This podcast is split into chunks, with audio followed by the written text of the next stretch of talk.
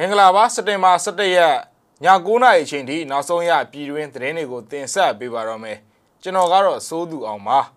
မန္တလေးကနေထောက်ခွာလာတဲ့စစ်ကောင်စီတင်မောရွှေကူကိုရောက်ရှိလာပါပြီခင်ဦးမြို့နယ်မှာဖျက်ဆီးခံလိုက်ရတဲ့မိုင်တဲတာဝါရန်ကိုတွားကြည့်တဲ့စစ်ကောင်စီကားမိုင်းခွဲခံလိုက်ရပါတယ်ဖားကမြို့နယ်တဲကဘီယူအာကုန်းပေါ်ကိုစစ်ကောင်စီကရဟတ်ရင်၃စီးနဲ့ပစ္စည်းတွေလာချသွားပါတယ်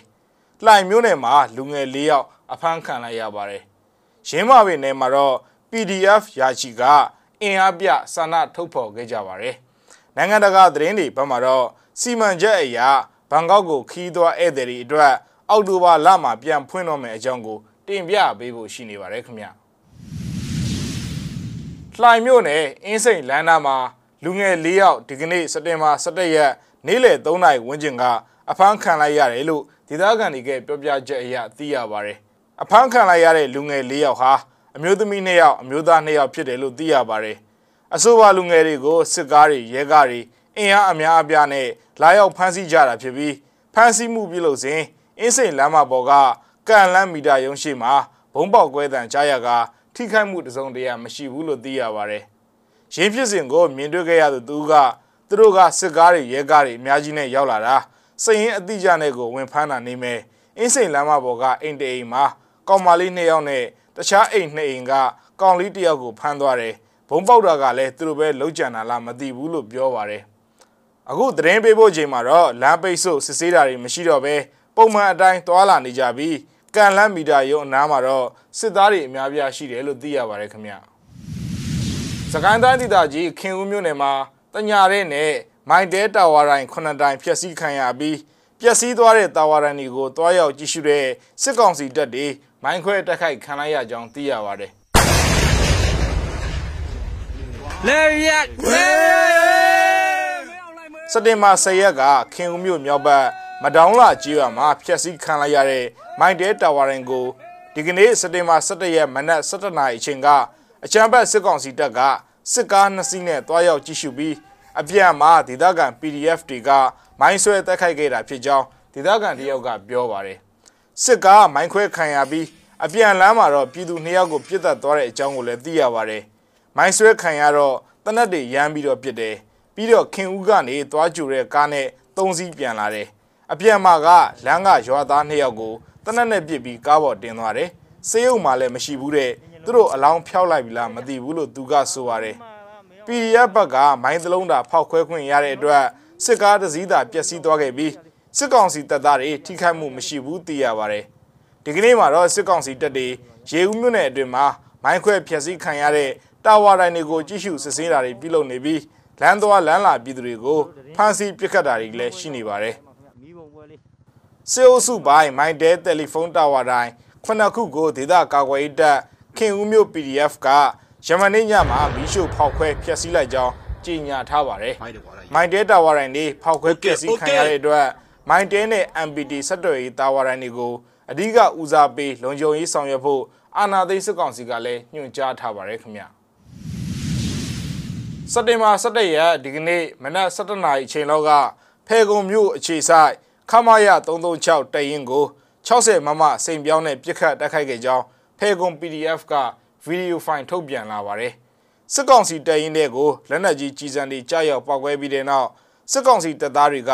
15မိနစ်လောက်လက်နက်ကြီးလက်နက်ငယ်တွေနဲ့ပြန်လည်ပစ်ခတ်ခဲ့ကြောင်းဆိုပါတယ်။ဖြိုပါမလို့ PDF အနေနဲ့ပြည်သူ့တပ်မတော်သားတွေကိုနှွေးထွေးစာကြိုးဆိုကြောင်းထုတ်ပြန်ထားပြီးဖြစ်ကြောင်းနဲ့အချိန်မနှောင်းခင်မှာပြည်သူဘက်ကိုရည်တည်ကြဖို့ကိုလည်းထပ်လောင်းနှိုးဆော်ခဲ့ပါတယ်။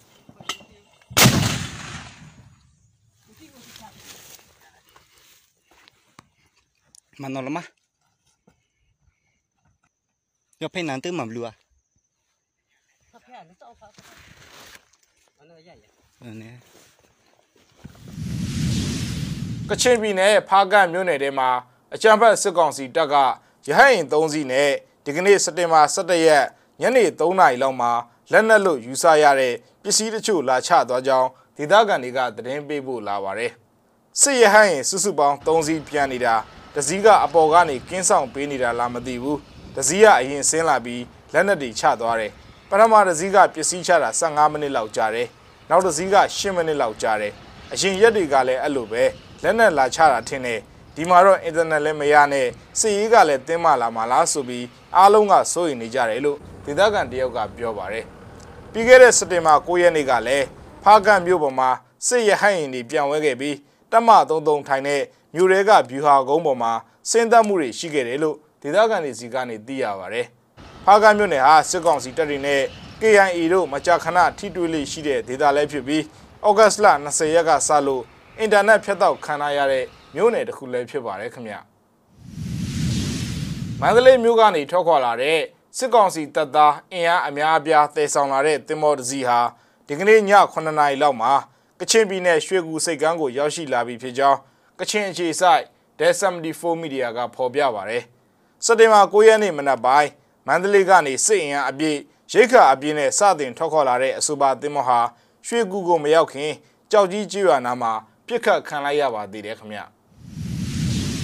ပဲခူးတိုင်းဒေသကြီးတဲ့က KNU ထိန်းချုပ်နယ်မြေဖြစ်တဲ့ညောင်လေးပေခရိုင်မှာအာနာသိန်းစစ်ကောင်စီတပ်တွေကလမ်းကင်းချပြီးဒေသခံသွားရလမ်းတွေကိုစိတ်အနှောက်အယှက်အဖြစ်ရတဲ့အထိ စစ်ဆေးမှုတွေပြုလုပ်နေတယ်လို့ KNU ကထုတ်ပြန်ပါတယ်ခမာယ349တပ်နဲ့ခလာယ60တို့ပူးပေါင်းပြီးအဲ့လိုစစ်ဆေးနေတာဖြစ်တဲ့အပြင်ကြီးရွာတွေထဲမှာလည်းတိုက်ရင်အားတွေခြားထားတာကြောင့်ဒေသခံတွေလုံခြုံရေးစိုးရိမ်နေရပြီးသွာလာရေးအတွက်လည်းအခက်အခဲဖြစ်နေကြတယ်လို့ဆိုပါတယ်ဒီအပြင်မှာကြီးရွာရင်နားမှာအရက်သားကားတွေနဲ့တိုက်ရင်အားခြားထားမှုတွေကိုလည်းလှုပ်ဆောင်နေတယ်လို့သိရပါတယ်ခင်ဗျာ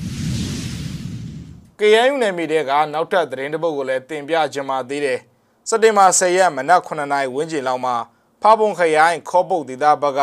ရှေ့တန်းတပ်စခန်းကိုရိတ်ခါပို့ဖို့တက်လာတဲ့စစ်ကောင်စီလားတက်စစ်ကြောင်းကိုလမ်းမှာ KNL ကမိုင်းဆွဲတိုက်ခိုက်ခဲ့တယ်လို့သိရပါတယ်။တိုက်ခိုက်မှုကြောင့်စစ်ကောင်စီတပ်ဖွဲ့ဝင်2ယောက်နဲ့လားနှကောင်ထိခိုက်ဒဏ်ရာရရှိခဲ့တယ်လို့ဒေသခံတွေရဲ့သဘောပြချက်ကိုကိုးကားပြီးတန်လင် Press Media ကလည်းဖော်ပြထားပါတယ်ခင်ဗျာ။ ဆက်လက်ပြီးတော့နိုင်ငံတကာသတင်းဘက်ကိုလည်းသွားရအောင်ပါ။ COVID-19 ကာကွယ်ဆေးအပြည့်အဝထိုးနှံပြီးတဲ့ကမ္ဘာလက်ခီးသွားဧည့်သည်တွေကိုဝင်ရောက်ခွင့်ပြုတဲ့ထိုင်းနိုင်ငံရဲ့အစာပြိုးစီမံချက်အရဇူလိုင်လကစလို့ဖူးခတ်အပန်းဖြေကျွန်းကိုဖွင့်လှစ်ထားပြီးဖြစ်ရာအောက်တိုဘာလမှာဘန်ကောက်နဲ့တခြားပြည်နယ်၄ခုကိုပါဖွင့်လှစ်ဖို့စီစဉ်ဆိုင်ပြင်းနေပါတယ်။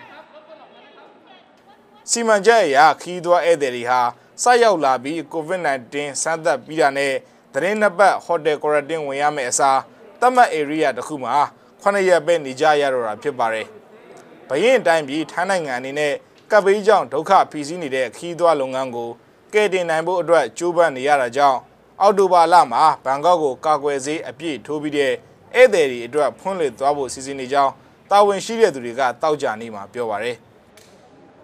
ကိုဗစ်ကပ်ဘေးမတိုင်ခင်ကခီးသွွားလုပ်ငန်းကနေထိုင်းနိုင်ငံဟာနိုင်ငံဝင်ငွေရဲ့ ငါးပုံပုံတပုံကိုရရှိနေခဲ့တာဖြစ်ပေမဲ့ virus တိုက်ဖြတ်ရေးအတွက်တင်းကျပ်တဲ့ခီးသွွားပိတ်ပင်ချက်တွေကြောင့်ပုံမှန်စီးဆင်းနေတဲ့ဧည့်သည်ဥယျာဟာလုံးဝမရှိသတော့လောက်နီးပါးရော့ပါကျဆင်းသွားခဲ့ပါတယ်ဒီအတွက်နိုင်ငံရဲ့စီးပွားရေးဟာနှစ်20အတွင်းမှာအဆိုးဆုံးကြုံနေခဲ့ရတာဖြစ်ပါတယ်။ Delta Coronavirus မျိုးကွဲကြောင့်အသေးအဆုံးများနေတဲ့ကူးစက်မှုတတိယလိုင်းကြုံနေရပြီမဲ့လဲဘန်ကောက်ကိုဧည့်သည်တွေအတွက်ပြန်ဖွင့်ရေးကို ဗယင်းနိုင်ငံအနေနဲ့ဖိဖိစီစီစီစဉ်ဆောင်ရွက်နေတော့တာဖြစ်ပါတယ်။အော်တိုဘာတရက်ကစပြီးကာကွယ်ဆေးအပြည့်အဝထိုးနှံပြီးတဲ့နိုင်ငံသားတွေဟာဘန်ကောက်နဲ့တခြားပြည်နယ်၄ခုစီကိုဟိုတယ်ကွာရန်တင်းနှစ်ပတ်နေထိုင်စရာမလိုပဲတွားရောက်လဲပတ်နိုင်တော့မှာဖြစ်တယ်လို့ထိုင်းခီးသွားလုပ်ငန်းအာဏာပိုင်အဖွဲ့ကပြောပါတယ်။ပရာချူအခီရီခန်ပြည်နယ်၏အပြောင်းနယ်မြေဧရိယာ၅ခုကိုစီမံချက်အတိုင်းဆက်လက်အကောင့်တွေဖော်သွားဖို့မျှော်လင့်ထားပါတယ်။ အော်တိုဘာလနောက်ပိုင်းမှာချင်းရိုင်စုခိုထိုင်းနဲ့ရေပန်းစားတဲ့ရရောင်းပင်လယ်ကမ်းခြေတွေအပါအဝင် ခီးသွားနေရာ22နေရာကိုဖွင့်လှစ်တဲ့စင်းမှာထပ်မံဖြစ်သွင်းဖို့ရှိနေပါတယ်။ဒါပေမဲ့ထိုင်းနိုင်ငံရဲ့လူအသေးဆုံးများတဲ့ COVID-19 တတိယလိုင်းကအရှိန်မကျသေးတာမို့ဒီအစီအစဉ်ဟာအပြောင်းအလဲရှိနိုင်တယ်လို့ခီးသွွားလုပ်ငန်းအေဂျင်စီကသတိပေးပြောဆိုထားပါတယ်ခင်ဗျာ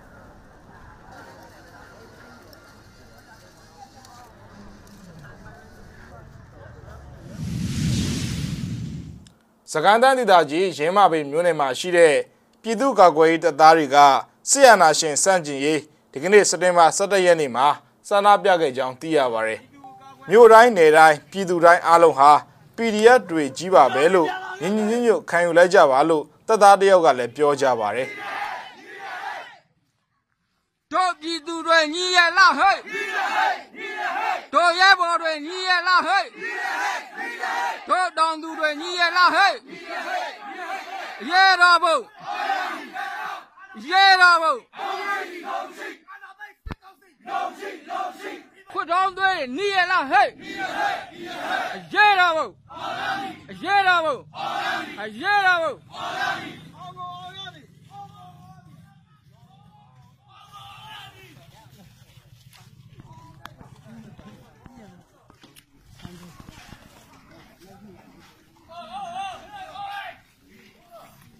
တို့ပြည်သူတွေညီရဲ့လားဟဲ့ညီရဟဲ့ညီရဟဲ့တို့တောင်သူတွေညီရဲ့လားဟဲ့ညီရဟဲ့ညီရဟဲ့တို့ရဲဘော်တွေညီရဲ့လားဟဲ့ညီရဟဲ့ညီရဟဲ့ဒီမိုကရေစီရရှိရေးတို့ရေးတို့ရေးဒီ မိုကရေစီရရှိရေးတို့ရေးတို့ရေးတို့တောင်သူတွေညီရဲ့လားဟဲ့ညီရဟဲ့ညီရဟဲ့တို့ရဲဘော်တွေညီရဲ့လားဟဲ့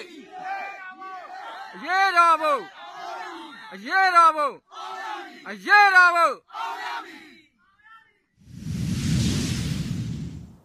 စက်တင်ဘာ17ရက်ည9:00နာရီချိန်ထိနောက်ဆုံးရသတင်းတင်ဆက်မှုကိုဒီမှာခဏရန်နာကြပါရယ်ကြည့်ရှုအားပေးခဲ့တဲ့မိဘပြည်သူတူဦးချင်းစီကိုကျေးဇူးအထူးပဲတင်ရှိပါရယ် ကျွန်တော်တို့သတင်းနဲ့အတူတူပြန်ဆောင်ကြပါဦးမယ်